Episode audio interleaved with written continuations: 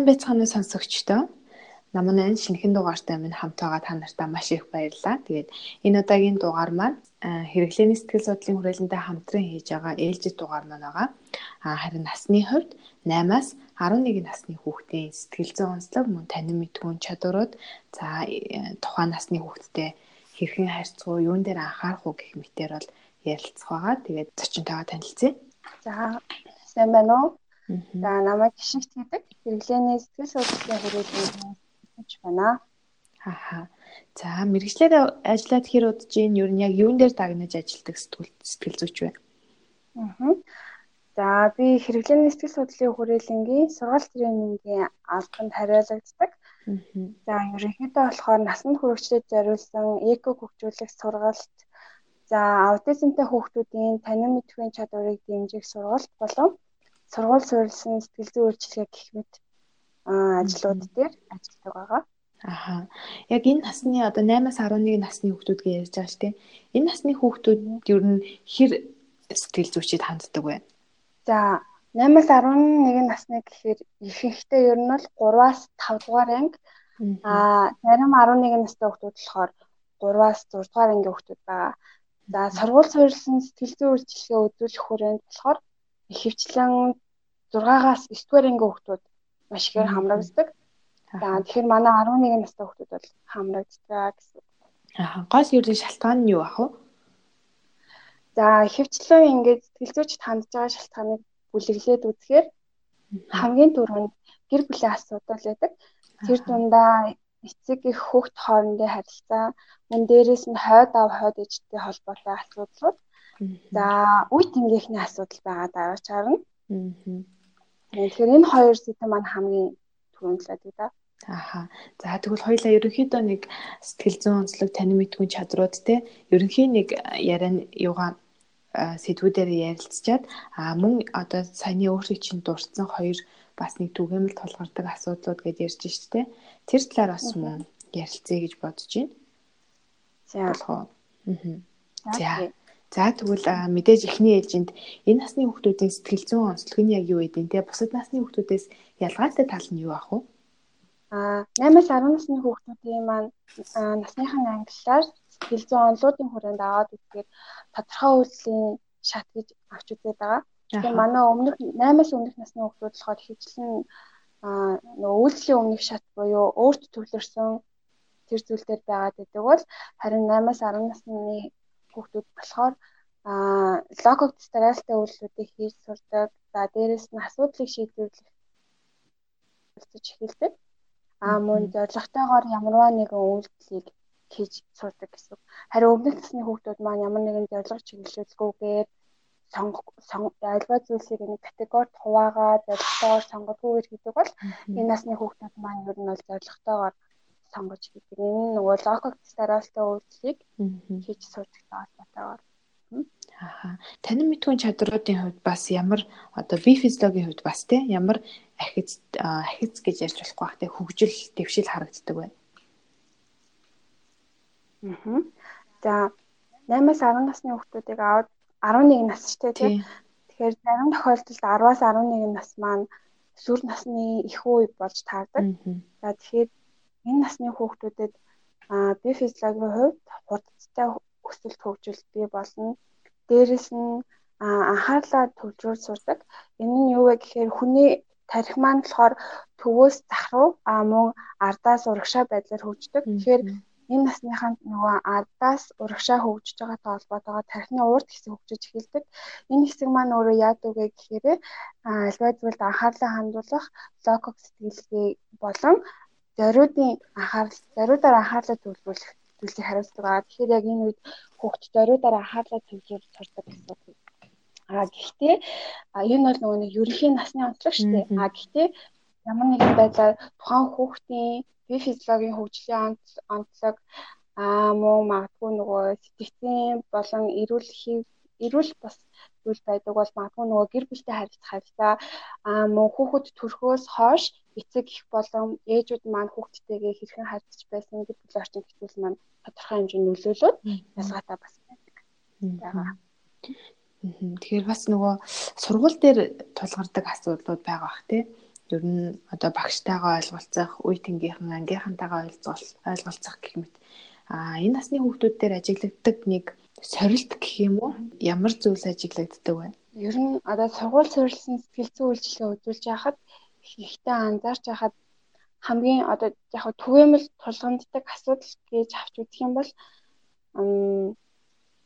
төрөмгийн зам одоо бол нөө төрхөхөд би биний дээрлэгдэг. Одоо би биний дээрлэгдэг. Төрөмгийн зам бол за дээрэс нь нөгөө нэг хичээлийн хоцрогдолтой холбоотойгоор илэрдэг. Бас заавал нөгөө суралцахын суралцахтай суралцахуйтай холбоотой. За 8-аас 10 настай хүүхдүүдийн онцлог дээр нэмээд хэлэхэд энэ үеийнхэн үеийнхнийх нь илүү чухал байгаад ирдэг. Үеийнхнийтэйгээ харилцах харилцаа тэдний дунд өөрийн мэддэг зайсан юм бэ. Мөн үеийнхнийхэн зүгээс хүүхдүүд өгж байгаа үнэлэмж хүүхдийн хувьд айгүй чухал байгаад ирдэг. Тэгэхээр энэ үед нөгөө сурталчилгааны хоцрогдолтой холбоотойгоор асуудал гараад ирэхээр үүнтэй холбоотойгоор өөртөө итгэх итгэл нь буурах, өөрийн үнэлж буурах, мөн үеийнхнийхэн дотор өөрийгөө нөгөө доогуур үнэлэх эрсдэлтэй зүйл гарч ирдэг. Энэ нь өөрөө ямар нэгэн байдлаар багш хүүхдийг нөгөө муу гэдгээр нь дүгнэж хэлдэг ч юм уу тий шошигнаадаг ч юм уу тэр хөдөлгөөж байгаа. За дээрэс нь нөгөө 11 10 болон 11 насны өсвөр насны ихэнх үе гэж авч үздэг. Тэгэхээр өөртөө энэ хүүхдийн эдгээр одоо энэ насны онцлогт бол чухал байгаа. Тэгэхээр 10 болон 11 насны хүүхдүүд бие биенийг шохорхох, цэцэг хүүснэндээ татагдах, цэцэг хүүснээс сонирхох гэх мэтчлэн зүйл гарч ирнэ. За тэгэхээр энэ үүртийн дотор нөгөө нэг магадгүй хайр дурлал гэж хэлж болох тэр бас нөгөө чухал мэт санагдаж эхэлнэ. За тэгээд дээрэс нөгөө өмнө нь дурдсан дурдсан шиг гэр бүлийн асуудлууд бас аа Аха тэгээд одоо яг энэ насны хүүхдүүд маань том хүнтэй харьцаагаас илүү үеийнхэнтэйгээ харьцаж сурах нэг том асуудал болоод дээ сорилт. Айгуу чухал зүйл болоод байна л да. Тэгэхээр бас яг хүүхдүүдэд зөвлөгөө өгөхдөө та нар юу яаж зөвлөдөг вэ? Одоо ингээд хүүхдүүдийн дунд нэг бол ингээд дээрлэгдэг болчтой тий тийм төрөмгийн хааштай болчдөг. За нэг бол ингээд дуугаа номоо дээрлэхүүлдэг болчдөг тий. За дээрлэж байгаа төрлийн хүүхдэд ер нь зөвлөгөө өгдөг та нар. Одоо тийм хүүхдэд хандна гэж байх уу?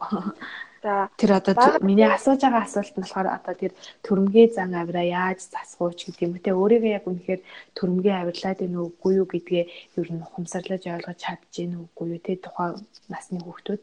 За бага ангийн насны хүүхдүүдийн онцлог маань өөрөө юу гэхээр ихэвчлэн багш болон эцэг эхийн зүгээс санал болгосноор сэтгэлзүйчтэй хэрэгтэй уулздаг. Аа хүүхдийн ухамсар маань 12 наснаас дээшээ яг ухамсар бүрэнгүүд төгждөг. Тэгэхээр нөгөө энэ наснд маань дөнгөж тархины өмнөх тархины урд хэсэг хөгжиж эхэлж байгаа шүү. Тэгэхээр бүрэнгүүд хөгжөөгүй байдаг. Тэгэхээр нэг цараа нэг ухамсар маань бүрэнгүүд хөгжөөгүй байдаг гэсэн. Тэгэхээр хүүхдтэй нөгөө аа ингээрээ тэгээрээ мэдээж яг тодорхой хэмжээнд зөвлөгөө өгдөг. А гэхдээ хүүхдийн дан үйлдэлтэй ажилладаг гэсэн үг. А альва хүүхдтэй холбоотой сэтгэл зүйн зөвлөгөөний асуудлыг шийд чиглэсэн хүүхдийн дэмжих чиглэсэн үйл ажиллагаа маань тухайн хүүхд хүүхдтэй өөртөө дээрэс нь гэр бүлтэй аа мөн дээрэс нь багш болон анги хамт олонтой ингэж давхар ажилладаг. Аа хүүхдийн хамгийн анхны орчин гэр бүл бол хамгийн чухал орчин. Үүний дараагийн орчин бол бие зэрэг тугуул орчин байгаа. Тэгэхээр эднэртэй хамт ажиллана гэсэн үг ээ. Аа тэгээд хүүхдүүдийн аа нөгөө төрөмлөө болоод байгаа шалтгаанууд нь янз бүр байгаад идэг. Тэгэхээр тэрнээс нь шалтгаалаад аа хийх таслын ажлууд, заган үйлдэл эрхээ ажиллах гэдэг ажлууд маань өөр болно. Аха. Тэгэхээр нөгөө хүүхд зөвлөхөөс илүү эцэг эхчүүд нь хүүхдтэй яаж харьцах уу гэдэг тал дээр тий хүүхдүүдэд ер нь зөв чиглүүлэхэд нь тусалдаг гэж ойлгож болох уу? Аа тэгвэл эцэг эхчүүдэд ер нь одоо юу зөвлөдөг вэ? Та нар энэ насны хүүхдээ эцэг эхчүүдэд юун дээр илүү анхаараарай ч гэдэм үү тий? Одоо за эсэргээрээ бүр ингээд дууга номоо айгу бүрэг ичимхий те ингээд хүүхдүүд дээрлэхүүлээд яваад идэв. Тим хүүхдтэй эцэг их ч бас байж болно шүү дээ тий. Тэгэхээр бас яг тэгж явж байгааг нь мэдхгүй ч гэж болон за мэдлээ гэхэд юу нь ямар арга хэмжээ авах уу хүүхдтэйгээ юу нь яаж ярилцаж харилцах хэрэгтэй гэдэг юм бол хаа за тэгэхээр эхлээд нөгөө энэ энэнд хариулахаас өмнө яг хоёулангийнхаа саяны өмнө нь ярьсан зүйлийн процессын юм шийдэн тайлбарлая л та. Тэгэхээр эхний ээлжинд хүүхд хүүхд дээр онцлогоо хийн.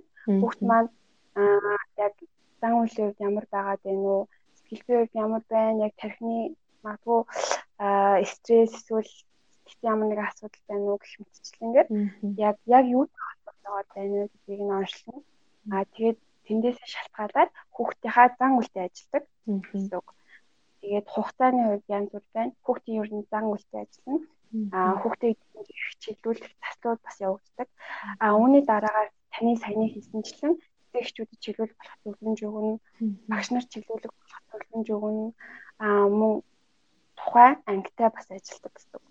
Тэгээ ба эцэгчүүдтэй ерөнхийдөө ямар зөвлөмж өгөх вэ? За хоёлаа нөгөө төрөмгийллийг ярьсан учраас нэг яриа л да. Төрөмгийлэл маань төрөмгийллийг хийхдээ хүүхд өөрөө сурдаг байгаа. Аа. Тэгэхээр төрөмгийлээд байгаа хүүхдүүд төрөмгийллийг эсвэл харж байгаа эсвэл жир хүүхд өөрөө төрөмгийл төрөмгий зам байдал. Аа. Тэрний хүлээд хүүхд өөрөө төрөмгий заавар гаргаж байгаа. Магадгүй аав ээж нь гар хүрдэг, итгэх тагандаг. Аав ээжийн харилцаа маань тийм тодорхойгүй. Аа аав ээжүүд маань хоорондоо сөргүүлдэг, муудалцдаг, төрөмгийлэлтэй орчинд байдаг. Үүнтэй холбоотойгоор хүүхдэд төрөмгийлэл бий болж байгаа. Тэгэхээр хамгийн түрүүнд эцэгчүүд маань хүүхдээ ямар байлгах вэ? Харин өөрсдөө хэлэх юм байх хэрэгтэй. Аа хамгийн энгийн жишээ бол одоо ингээл жоохноос авахгүй л хүүхдүүд уцаа олдож байгаа шүү дээ. Тэгэхээр хүүхдүүд чи наад уцаа болооч гэж хөвчлээ эцэгчүүд гомдолдог, загнадаг. Тэгэхээр чи уцаа болооч ээ гэж хэлж байгаа бол чи уцаа бол гэчээд эцэгчүүд маань өөртөө уцаа олдоод байх юм бол хэдэж тэр зүйл байхгүй болохгүй уцаа олно. Тэрийг үүнтэй адилхан эцэгчүүдийн маань эцэгчүүд маань өөртөө хүүхдэд заагадаг, гар хүрдэг, шийтгдэг бол хүүхд маань илүү төрөнгөө болох магадaltaй эсвэл эсрэгээрээ нөгөө нэг саналны ороор орж нуугддаг бүртээ ихтгэлгүй юм болно гэдэг. Тэгэхээр хамгийн түрүүнд эцэгчүүд нь өөртөөхөө үйлчлэгийг анзаарах хэрэгтэй. За дээрэс нь хүүхдийг хүүхдийг хинтээ чарчуулахгүй зөв өөр өөртөө чарчуулдаг. Тэр хүүхд ингээд тэдний хүүхд ингээд хахад чи яагаад ингэдэг үеийн чи ингээд хахад чи яагаад ингэдэггүй ингээд загны хандлагатай шүү дээ манай зөвчүүд. Тэгэхээр тийм тэгэхээр ерөнхийдөө хүүхдийг бол өөртөө л харилцуулах хэрэгтэй. Чи яг юу хийж чадчихээн өмнө нь юу хийдэг байлаа одоо ямар байгаа вэ? Ирээдүйд юу тийм боломж байна уу юу гэж ер нь хүүхдийн хөгжлийг өөр өөртөө л харьцуулж өөр өөртөө л тэгж дүгнэх хэрэгтэйг нэгтэй харьцуулж болохгүй. Аа. За дээрэс нь эцэгчүүд маань хаяа нөгөө тийм ойлгомжгүй зан гаргаад идэг. Хүүх хүүхдэд ойлгомжгүй одоо тэр зүйлийг битгий гэсэн бол хаяа тоодоггүй юм нэ. Хаяа хийгүүт нь хүүе чи гэд нэг юм. Тэнгүүд хаяа яа яг яах гэдэг юм гэхгүй. Хаяа тэрийг дэмжиж байгаа юм уу? Эсвэл загнах гэж байгаа юм уу? Тэгэхээр ийм ойлгомжгүй зан байдал маань хүүхдэд бас яг тийм ойлгомжгүй сэтгэлийг бий болгоно. За дээрэс нь хүүхдэд шудраг хандах хэрэгтэй.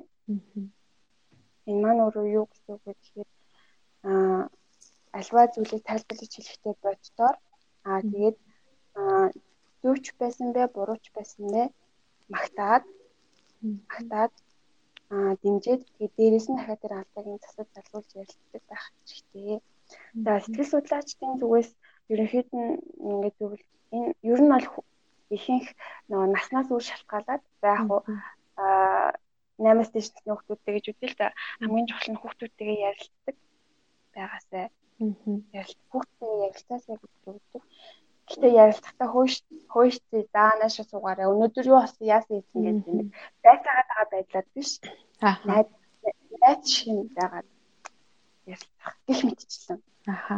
Ярилцах тухайд бас нөгөө энэ насны хүүхдүүд чинь эцэг ихтэйгээ гэхээс илүү найзтайгаа нууцаа ч юм уу те эсвэл янз бүрийн өөртөө тохиолдсон юм а яриа хандлагатай байдаг шүү те. Тэгээд эцэг эхчүүдтэй болохоор айгу хаагдмал яагаачгүй би зүгээр гэдэг хэрнээсээ найзуудтайгаа илүү тийм татамжлаад байдаг те. Тэгэхээр яг энэ тохиолдолд юу нэг эцэг эхчүүд яаж хандвал одоо өөртөө нээлттэй байлгаж чадах бол хүүхдээ. Тэгэхээр нөгөө яг л саяны хийсэнчлэн мэдээж хэрэг ярилцах хэрэгтэй. Аа хэрвээ хүүхдтэй нөгөө нэг огт ярилцдаггүй бол ингээл гинт байцаасан байдлаар ч юм эсвэл найз байдлаар ч юм уу гинт ярих юм бол хүүхдэд нэг тийм нэг шал өөр хүн юм шиг санагдаж штэ. Тэгэхээр баг багаар ярилцж чинь за жишээлбэл өнөөдөр танд тийм юу болов яасан гэдэг тийм үгүй гэдэг хариулт байхаар биш бүтэн өгүүлбэр хүүхдэр өөр яриулахаар асуултыг тавьж хэлээд үгээд за тэгээд чи ямар хүүхдүүдтэй найзалдаг вэ? Найзуудтайгаа юу нь юу идэв гэж ярилцах. А гэхдээ ярилцахаасаа улдаа нөгөө өмнө хэлсэн шүү дээ. Тийм тодорхой эцэгчүүд нь хаяа тодорхойгүй байдал гаргаад гаргаад байдаг. Одоо жишээлх юм бол нэг ийм жишээ гарсан баггүй юу? Аа нөгөө хаяа сургууль суурилсан сэтгэл зүйн үйлчлэгээ үзүүлдэг гэсэн шүү дээ. Тэгэхээр 6 дугаар ангийн ангид багштай нь хамтраад сургууль тренинг явуулаад тэгээд багш ангийн багш маань өөрөө хүүхдүүд ямар даалгавар өгсөн бэ гэхээр за миний хүүхдэд хараад эцэг ихтэй хайртай гэдгийг хэлээрээ гэж хэлвэ. За тэгсэн чинь дараагийн 7 хоногт нь хүүхдүүд ирээд за эцэгчүүдэд хайртай гэж хэлсэн үү? Ээжүүд нь аауд нь юу гэсэн бэ гэдгсэн чинь. Чи юу солиороо байгаа эсвэл за чи яасан? Юун дээр муу ямар хэрэг тарьсан А тэгсэн чинь өөрөөр яасан юу авах болох гээд байгаа. А зарим нь болохоор яг оо ээж нь ч гэсэн аав нь ч гэсэн хайртай ч гэж хэлнэ гэж байгаа юм л та. Гэтэ ихэнх энэ маань өөрөө юу юм юг харуулад байна уу гэхээр одоо 6 дугаар ангийн хүүхдүүд бол 11 12 хүүхдүүд байгаа. Тэгэхээр энэ наснаас өмнөх насны цэцэгчүүд маань ер нь л хүүхдтэй нээлттэй харилцдаггүй байгааг За тэгэхээр ингэж хэлэнгүү чинь нөгөө тодорхойгүй байдал болчихгоо. Хүүхэд дахиад би хайртай гэдгийг хэлэх хэрэгтэй юу? Эсвэл би ингэж ямар нэгэн ярих гэхээр юу юм болов яах юм бол тодорхойгүй байдаг.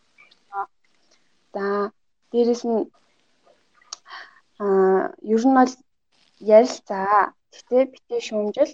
За тэгээд хүүхдтэй шударга ханд битээ тийм тодорхойгүй байдал гаргаад аа бас хүүхдүүдэд битээ харьцуулт хий хүүхдийн айлуулах дэмжээ. Гэтэ нөгөө нэг ярилц гэдэг нь шууд ярилцахад мэдээж хэрэг ярилцахгүй бол. Тэгэхээр эхлээд хүүхдээ дэмждэг байх хэрэгтэй. Буруу юм хийсэн ч гэсэндээ тэрийг нь ярилцаж ойлгуулад хүн бол хүн бүр л алддаг. Аа алдаа бол болвол аа гэтээ энийг дахин татахгүй юм боломжтой. Чи юу гэж бодож чинь энийг дахин татахгүй байханд бол яах тоо гэж ярилцах юм уу. Хүүхэд уулан бичиг хийжээ. Тэгсэн чинь бүр аврахынгүй муухай бичсэн байлаа л мэдээч хэрэг уурн хүрхэл хахалтай аав гэж юм уу. Гэхдээ ядаж гой битнийг үгийн ч юм уу эсвэл ядаж гой битнийг үсгийн ч юм уу хараад хөөгч энэ үсгийг яасан гой бичсэн юм бэ? Дахиад бичвэл чи энэс л гой бичих батаг гэж дэмжих юм бол хүүхэд хичээлүүдийг хөтөлтэй болно илүү ахаад бичнэ. Энэ маань өөрөө ахаа ихтэй арилттай гэж болж байгаа гэсэн үг. Их мэдээлэл жижигхэн зүйлээс эхэлж байгаа л нөгөө нэг хэлтэй нээлттэй харилцаа мөн гэж баг. Аха. Тэгээ яг одоо энэ насан дээрээс маань эцэг эхчүүд илүү хүүхдтэйгээ нээлттэй найзах байгаад эхэлчих юм бол нөгөө хүн бүрийн ярьдаг өсвөр нас буюу нөгөө нэг хэцүү нас эхлэж та хажуугаар нь дахиад дэлхийн бодлоо явагдана. Яг энэ үе дээр жинхэнэ найз нь эцэг та өөрөө байх боломжтой л байна. Одоо яг өөрөө чинь бас хэлсэн хоёр дахь асуудал нь эсрэг хүүснийхаа хүүхдүүдийг сонирхож эхэлдэг те энэ энэ асуудлыг хичээлээс илүү одоо ер нь чухал зүйл юм байна гэж бодох те а за яг энэ асуудал дээр эцэг эхчүүд ер нь яаж хандах хэвтэй зарим эцэг эхчүүдийг харахад бол та нарын насан дээр хайр дурлал гэж юу байдیں۔ Та нар одоо ер нь үерхэж яадیں гэдэг юм уу? Тиймэрхүү хандлагаар хандцдаг. За эсвэл зарим эцэг эхчүүд бас айдаг гэж магадгүй те ингээд хитрхээ түргэн харилцаанд орчих байж гэдэг юм уу те. Mm -hmm иймэрхүү айдас ч бас эцэгчүүд байдаг баг. Яг энэ насны хүүхдүүдтэй одоо энэ бэлгийн боожлтын талаар нээлттэй харьцах ястай нас нь энэ мөн үү эсвэл одоо өсвөр нас хүртэл хүлээх үү одоо энэ яг үерхлийн тухай ярьж эхлүүл яг яаж хандаж яаж одоо хүлээж авах хэрэгтэй байд юм бол нөгөө бэлгийн боожл болон яг нөгөө эрэгтэй эмэгтэй хүмүүсийн онцлогийн талаар тайлбарлаж хэлэхдээ яг тэдэн наснаас эхэлнэ гэсэн ойлголт байдаггүй. А ерөнхийдөө хүүхэд альва зүйлсийг зурц болон ямар нэгэн зүйлээр ингээд харилцаа ойлголцоод эхэлсэн үеэс л эхлээ гүн гүнзгий биш хамгийн ихний ээлжинд эрэгтэй эмэгтэй хүмүүс ийм ялгаа байдаг. Одоо тэр ялгаатай эрэгтнийг тайлбарлаж хэлдэг юм уу тийм. Эхний ээлжинд зүгээр бага наснд ингээ ялгаатай байдаг юм хэлбэрүүд хэлэх боломжтой. А харин яг одоо хоёулангийнх нь ярьж байгаа яг энэ насны хэсэгт болохоор хүүхдүүд маань би бинээ сонирхоод эхлэдэг юм шүү дээ. Тэгэхээр эцэгчүүд маань бодтой үнэн баян хэлж байгаа хэрэгтэй. Юу ч байсан. А тэгэхээр та нарын насны дээр ийм биш гэж юу байсан миний үед юм даагаагүй гэж эсвэл зарим очууд маань таны эзэнчийг санаанд авдаг эсвэл нөгөө эцэгчүүд маань яг юу гэж хэлхийг мэддэггүй. Мэддэггүй болохоор нэг ууралсан юм шиг тодорхойгүй байлгаа тэгэхээр бодтой үнэн хэлэх хэрэгтэй тийм ээ бид нар бие биендээ татагдаж эхэлдэг. Яагаад гэх юм бол бид нар чинь бидний бие махбод ингэж өсөж хөгжиж явж байгаа. Бидний бие тийм гармо ялгарч эхэлдэг учраас бид нар эсрэг үсэндээ татагдаж энэ бол буруу зүйл биш ээ. За тэгээд аа бас бид нэр одоо бид нэр бас хүүхдүүдээ ерөөхдөө бол би биендээ татаж хэлсэн гэдэг биш. Аа мөн би биентэйгээ ингэж үргэлж мессеж өгч болно. Гэтэ хамгийн чухал нь юу вэ гэдэг нөгөө нэг зүйлс ярих хэрэгтэй. Хэлхийд гараад татдаг заах хэрэгтэй. Аа ер нь бол үргэлжлийн зарчим зөв эрүүл харилцаа гэж байгаа шүү дээ. Энийг анханаас нь тайлбарч ярих хэрэгтэй ер нь бол өсвөр насныхан зориулсан гарын авлагууд дээр зөв эрхлийн үе шат гэж ерөнхийдөө байдаг. Одоо хамгийн ихнийх нь бол та нарын насныхан дээр ингээд гоё ярилцаад, найзлаад хамтаа даалгавраа хийж болно гэж юм уу те. Тэгээд та хоёр өнөөдөр юу хийсэн, яав гэж ч юм бас ингээд ярилцаад байх юм бол дахиад дараа дараагийнх нь алхмыг ярилцахад нээлттэй болж ирсэн. За тэгээд дараагаар нь танилцлаа, хамтдаа ингээ юмаа хийдэг байлаа. Чи ер нь энэний дараа юу болох вэ гэж бодож байгаа гэх юм уу? Би би би биений хүч болно. Тэрэн гэхдээ тэдний насанд чинь байх боломжтой. Дараагаар нь чи гарнаас нь хөтлөж болно гэх юм уу? За мөрөөр нь тэгж болно үүсний гэдэг нь ийм юм шат дараалтай байдаг. Эхлээд гарнаасаа хөтлсөн дараагаар нь үүснэ их мэтчлэн ч юм уу тийм илүү дэлгэрэнгүй ярих хэрэгтэй. Гэхдээ энэ ийм хугацаатай байдаг. Цаг хугацаатай байдаг. Тэгээд Аа матгүй одоо 11 нас нас маань болохоор яг 6 дугаар анги буюу өсвөр насны их үе байгаа тэгэхээр яг ярилцаж хэлэхэд ойлгодог. Тэгээ хүүхдүүд маань ч гэсэндээ энэ хуулах гэдэг айгуу дуртай байдаг аахгүй юу. Тэгэхээр яг ярилцах хэрэгтэй. Тэгээд бодит үнэ тайлбар хийх хэрэгтэй. Тэгээд зөв үе шат дараалал хийх хэрэгтэй. Үе шат дараалууд маань тодорхой цаг хугацаатай байдаг шүү гэдгийг тайлбарлаж байна. Ааха түрүүн бас өөрөө хэлсэн нөгөө гэр бүлийн харилцаа бас түгээмэл асуудал байдаг аа гэд тийм. Ерөнхийдөө яг нөгөө хоёулынгийнх нь ярианд эцэг эхчүүд хүүхдтэйгээ яаж ярих вэ гэдэг маань хариулт болгонд л ер нь яригадад явж байгаа л да. Гэхдээ яг энэ асуудал дээр яг ямар асуудал хүүхдэд асуудал болж очиод байна те гэр бүлийн харилцааны одоо яг эцэг эхчүүд нь хоорондоо муудалцсан тэр хүүхдэд тийм сэтгэл зүйн хувьд асуудал үүсгээд байна уу? Хайскул тэр хүүхдэд хүчирхийлэл үлдээд байна уу ч юм уу тийм. Яг ямар асуудлууд тэр хүүхдийг одоо сэтгэл зүйчэд хандхад хүргээд байна гэдэг талаар би бас тодруулж асуумаар байна л да. За.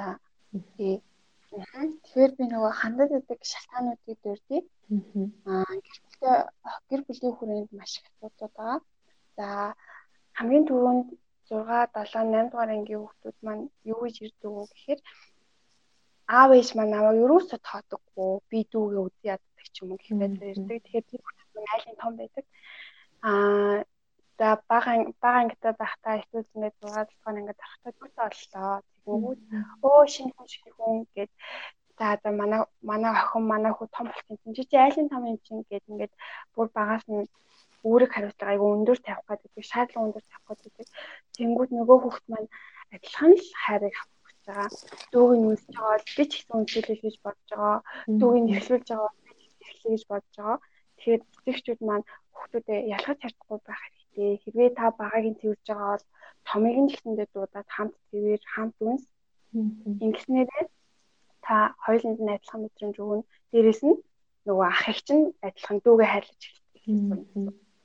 Мэдээч яг нөгөө нэг айлын олон хүмүүсд маргалдах зүйл байдаг. А гэхдээ тэр нь бүртээ болохгүй. Би бинийг хайрлаж сурна. Тэгэхээр нөгөө айлын томуудад ийм асуудал агаад байдаг. Манай аав ээж тоодоггүй, надтай ярилцахгүй.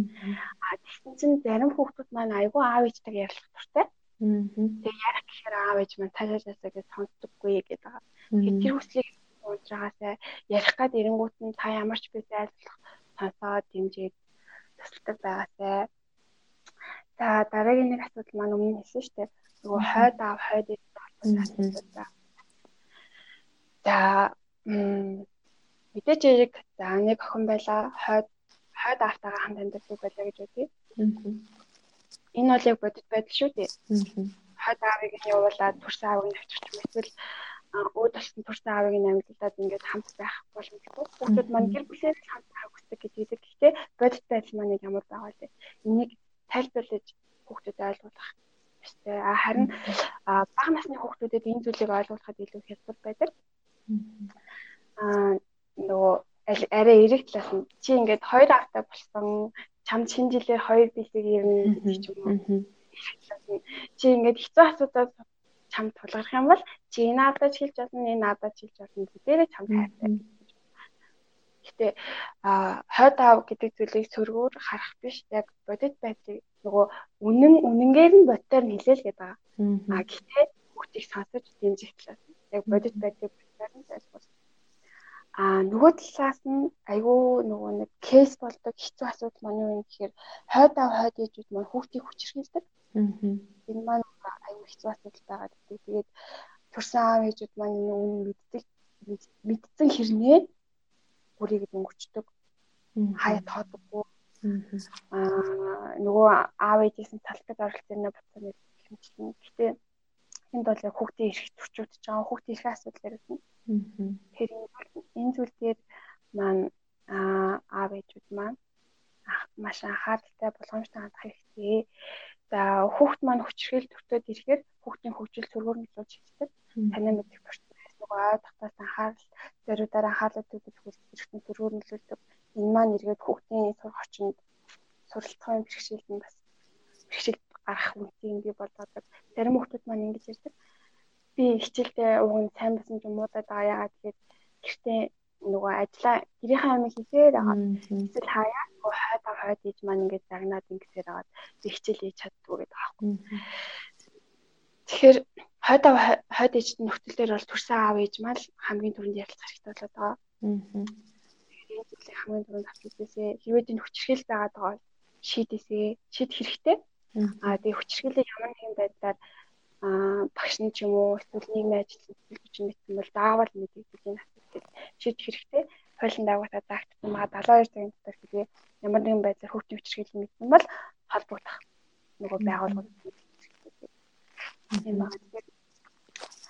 Аа дахиад нөгөө нэг асуудал маань нөгөө нэг аав ээж сонсдоггүй гэсэн асуудал айл нь том баг том баг зүйл хамаарал аав ээж тоодоггүй нэг ярьдаггүй дэмждэггүй байгаа. Тэгэхээр хүүхдээ хатгатаад ертөнцийг танин мэд хэрэгтэй. Хаяа манай хүүхдтэй ингэхээр хүүхд бишээ бишээ юм да гэдэг. Үу тийм ажиллагааны ариуг хаяа сонсонгоо тийм биштэй гэл. Ямар цахим гэлээдэг. Энэ маань өөрөө юу юм гэхээр хүүхдтэйгээ татаад ертөнцийг тэгэхгүй байна тий. Ийм хүүхдтэйгээ ярилцаагүй. Тэгэхээр хүү за миний охин чамд юу таалагддаг вэ? Чи нь ирээдүг вэ юу гэж хэлсэн хэмжсэн ингээл өднөдөр юу болов Энэ зүйлс маань л ертөнцийг танин төслийн хэрэгтэй гэж болгоно. Одоо хүүхдүүдийн хувьд ер нь одоо ихэнх цагаа сургууль дээр өнгөрөөдөг те. Ер нь амьдралынх нь бас нэг чухал хэсэг сургууль суралцах боловсрох байдаг штэ. Тэгэхээр бас яг эцэг эхчүүд маань бас хит их нөгөө ухаантай мундаг хүүхд болох гээд айгүйх нөгөө хичээдэг те янз бүрийн сургалт мургалтанд явуулахаас гадна тэгэл хичээл зөвхөн ингээд нөгөө тоглох биш одоо хичээлээ нэг тийм шаардлага тавьдаг ч юм уу тий. Тэгэхээр бас энэ насны хүүхдүүдийн бас сурах процессыг дэмжих илүү одоо сурах тэр суралцах процесстэй дуртай болох нэгцэг хичүүд яаж анхаарах вэ? Аа нөгөө сургууль дуртай байх гэдэг асуудал маань анх сургуульд орох үеийн сургууль бэлэн байдалтай шууд холбоотой болоод ирж байгаа. Дээрээс нь анх хүүхдийг сургуульд орж байхад эцэгчүүд маань хүүхдийг хичээл нь хийлгэх явцсан хүүхд явцсан яг ямар байдлаар хандчихсан бэ гэдгийг шууд хамааралтай. Аа хүүхэд хэрвээ сургууль бэлэн байсан бол цаашдаа явандаа тустай болчихно. Хүүхэд анханасаа тодорхой дийсэнтэйгээр хичээлээ тийм нөгөө асуудал үүсэхгүйгээр хийдэг байсан бол цаашдаа энэ байдал нь өөрөө тэгэл ямар нэг асуудалгүй болдог. Харин 4 5 дахь ангийн хүүхдүүдэд суралцсан бэрхшээл нөгөө хичээлдээ дургуй байгаа гэдэг маань өөр юу юм гэхээр анхнаас нь хүүхдийг зөв дэглэмтэйгээр хичээл нь хийлгээгүй. Аа дэглэм байгаагүй Тэгээд бас дэмжлэг байгаагүй. Дээрээс нь аа баг наснд нь тоглоомынх нь тоглох хэрэгтэй бүрэнгүүс хангалтаагүй байна байгаа. За нэгэнт хэрвээ ингээ хүүхд дургу байгаад одоо ч гэсэндээ оройтойггүй эцэгчүүд маань анхаарлаа хандуулаад аа шууд дургу ах хичээл нь хий гэж хахаас нь илүүтэйгээр аа зүйлийг хийлгээд за тэгээд бүр хүүхдүүрээ сууж чадахгүй байх юм бол эхнээлцэн 5 минут хамт нэг бодол нэг бодлогыг бодлоо гэж бодоход эхний тоог нь битдэг ч юм уу тэгээ урамшуулаад жоохон амраагаад тэгээ багаас эхлэх хэрэгтэй. Аа. Тэгтээд хүүхдэд маань татал болно. Аа а мөн дээрэс нь хүүхд өөрөө сургууль сургуультай дургу хичээлээ хийснээр хотгүй анхаарал төвлөрөхгүй байгаад байгаа нь өөр нэг шалтгаан нь бас нөгөө а ямар нэгэн стресс болон сэтгэлийн бас ямар нэг асуудал байх магадaltaй. Магадгүй нөгөө ADHD ч юм уу анхаарал татсан багшлын юм гэдэг чинь энэ өөр юу бүх нөгөө доктортой сууж чаддаггүй. Аа хинтсна ийм зүйл байх магадaltaй. Тэгэхээр тэрийг эцэгчүүд нь Аа. Сургуульд одоо бас нэг дургу болгодог шалтгаан пси тоглоом гар утсан шүү дээ. Тэгэхээр бас яг хүүхдийн яг энэ донтолтын асуудалд яаж анхаарах вэ? Аа гэрийн гэрийн дүрм гэж бас ярьдаг. Нөгөө тодорхой хэмжээнд одоо хоолой идэхдээ бүгдээрээ ширээгээ тариад сууж хоолой идэнэ. За 10 цагаас хойш интернет болон юм уу. Аа хүүхдтэйгээ ер нь ярилцах хэрэгтэй. Шууд тэтгэгчүүд өөрсдөө дүрм тогтоож болохгүй. Харин ярилцаад аа чи найзуудтайгаа уцаар ярих найзтайгаа холбогдох үедээ ер нь өдрийн өдөр холбогддгүй орой хэдэн цаг үед ер нь холбогддгүй гэж ярилцдаг ч юм уу тий. Тэгэхдээ за нэг тодорхой тэдэс хэдэн цагийн хооронд ч уцаар ирэхлээрээ аа тэгээ харин нэг цагийн хооронд хэрэглэхгүй шүү. Тэгээд хэрэглэхгүй гэсэн үедээ эцэгчүүд маань ч өөрсдөө уцаа хэрэглэхгүй байх хэрэгтэй. Ер нь бол гэр бүлийн орчин маань ямар байна хүүхэд тэндээс суралцж байгаа. Тэгэхээр эцэгчүүд маань яг гэр бүлийнхаа орчинд анхаарад А утасны хэрэглэн дээр бол иймэрхүү иймэрхүү жижигэн жижигэн дүрм гаргаж олно. Мөн нөгөө нэг дэлгэсэн амал гэдэг ааш тий телевизэр үзэх. Энэ дээр тэгээ бас бөөндө хамтаа телевизэр хамтдаа сууж үзэх цагийг гаргаж болно. Энэ үедээ заавал телевизэр үзэл чимээгүй суугаад авах биш сайхан ярилцдаг. Би биэндээ хүрээ биэндээ тэрвэрдэг ч юм уу тий. Нэмэрхүү зүйл нь бас нөгөө хүүхдэд гоё эерэг мэдрэмжийг намайг хайрлах гэсэн мэдрэмжийг төрүүлж байгаа. Дээрээс нь их хөвгтэй он итгэлтэй хэрэгтэй би болж байгаа. Аа бидний хувьд болоод ирэхээр аа за бага ангийн хүмүүс PC-ийн дандаа тэгэлж байгаа тийм. Тэгэхээр PC-нд яагаад тоглоод байна уу гэдэг шалтгааныг нь олж хэрэгтэй. Аа зүгээр туртай нэг очиод үзье гэсэн мань уу эсвэл найз нуруу татчих уу эсвэл гэр бүл гэртээ байх тухгүй байгаад болохоор PC рүү яваад байна уу? Аа. Шалтгаан нь юу вэ гэдгийг нь олох хэрэгтэй. За тэрний дараагаар яг юу хийх вэ гэдэг нь тодорхой болно. Ерөнхийдөө нөгөө аливаа асуудлуудад аа ер нь бол ингэ хэрэгтэй гэсэн ерөнхий жор байдаг хэдийч а тэрэн дотроос илүү категорчлоод детальчлаад харах хэрэгтэй байдаг. Тэгээд тэр шалтгаан маань үеийн тэнгийнхэнтэй холбоотой байгаа гэх юм бол анги хамт олонтой нэжлдэг. Нөгөө нэг хүүхд урагтаа та хүүхдийг загнахаас илүүтэйгээр эцэг эцэг ихтэй ярилцдаг. Чи хэний загнаж шүүмжлэхээс зовлдаад илүү сайхан ярилцаад дэмждэг байвал одоо донцсон хүүхэд байгаа шүү дээ. Одоо тэндээ бас ингээд ангийнхнаараа бөөндөө ингээд тоглохороо яг ингээд найзуудтайгаа хамт байгаагаа мэдэрдэг ч юм уу тийм. Одоо тэндээс ингээд тоглохоо болжвол найзууд нь өөрийг нь хайчих гад байгаа ч юм шиг те бас нэг тийм сэтгэл зүй хүүхдэд яваад иж болно шүү дээ. Тэгэхээр бас иймэрхүү тохиолдолд эцэг эхчүүд яах ёстой вэ? Бас л ярилцах хэрэгтэй. Тэгээд нөгөө бодит байдлыг үнэнгээр нь тайлбарлаж хэлнэ. Бас жишээ авч тайлбарлаж болно. Аа ерөөхдөө бол бодит байдлыг үнэнгээр нь хэлэх хэрэгтэй. За PC-нд тоглоод хамтдаа яваад байна гэдэг нь эерэг зүйлүү сүрэгдэлүү. Харин яаж эерэг болгож болох вэ? Хүүхдээс өөр нь асуух хэрэгтэй хамтдаа хичээлээ нэгний сүрэгдэл. Аа гэхдээ бас нөгөө таны хэлсэнчлэн найзтайгаа байхаар л тэдний юм дагаад байгаа юм шиг нөгөө шиг өдрийн давдаг гэдэг байгаа шүү дээ. Тэгэхээр цэцэгчүүд маань өөрсдөө хүүхдтэй харилцах харилцаа илүү сайн болгоод ирэх юм бол найз гэхээс илүү аа гэр бүлтэйгээ байх туртай болно. Тэгээд дээрэс нь энэ асуудал маань нөгөө бүлэг хүмүүсийн асуудал учраас хүүхдэд ямар тааж эхлээд бод байдлыг тайлбарч хэрэгтэй чи заавал найз гээд юу яах хэрэггүй. PC тоглоом руу явах хэрэггүй. Тэр нь чамд ингэж түрүүнэлсэн. За тэгээ үүний дараагаар нөгөө нөгөө толгой доогтууд эцэгчүүд ярилцж болно, багштай ярилцж болно, анги хамталгаар нь бас дахиад бүлгийн ажиллагаа.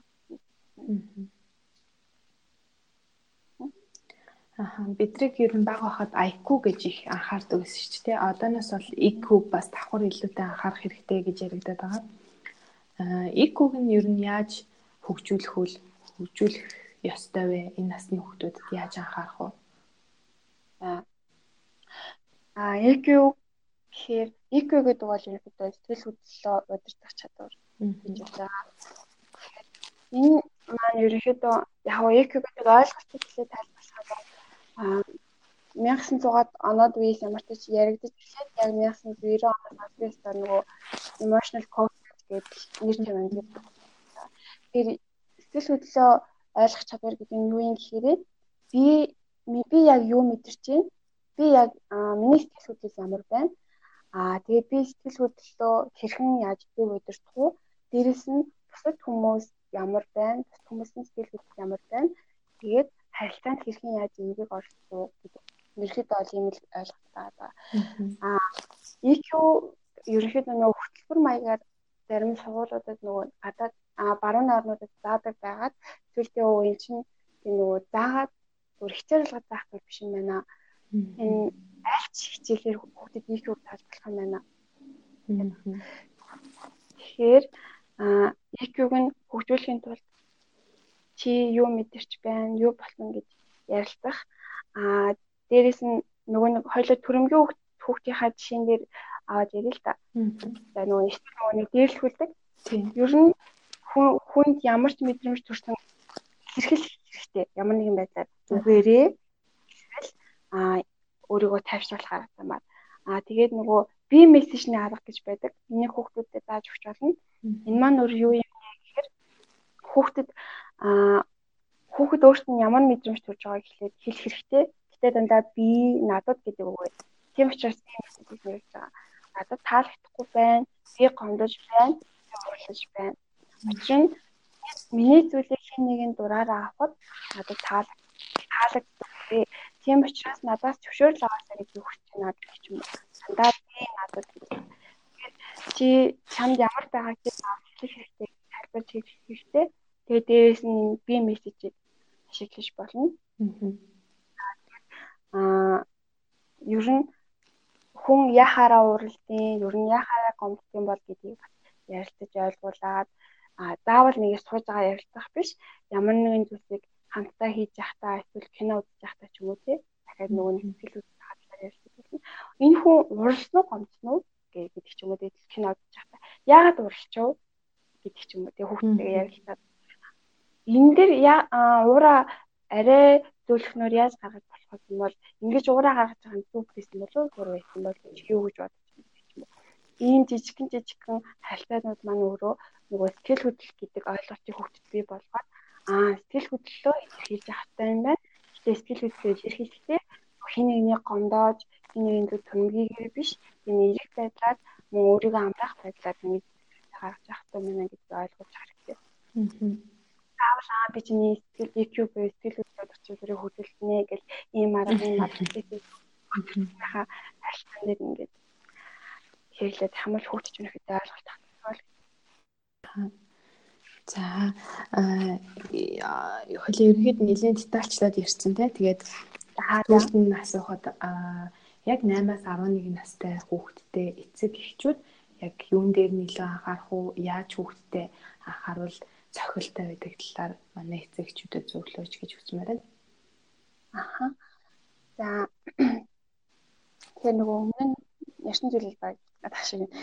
Аа хамгийн чухал зүйл маань юу вэ гэхээр за манай 8-аас 11 настай хүүхдүүдийн хувьд бол ингээд 4 4-р анги 5-р анги гэж шууд 4-р анги руу орчиж байгаа. Тэгэхээр анги шилжих хооронд хүүхдэд 16-р ангид ороод ихээр өрсөлдөр насны их үе байгаад байгаа. Дээрээс нь нөгөө дунд ангид орчиж байгаа. Хүүхдийн суралцах процесстэй холбоотойгоор хань шинэ үүд тасны төвчмөд явж байгаа. Тэгээ энэ үед хүүхдүүд тэгээ танаас хурдан л мессеж өчнөө. Үеийнхийнх нь бүр илүү чухал болоод байна. Тэгэхээр хамгийн хамгийн түрүүнд хүүхдтэйгээ ярилцлагатай а мэдрэмжийг нь асуугаад чи юу гэж бодож байна? талаар өнөөдөр юу болов? Ямар найзтай найз хэмжсэн ярилцдаг байгаасай. Дээрэс нь аа багангийн хүүхдүүд байгаа шүү дээ.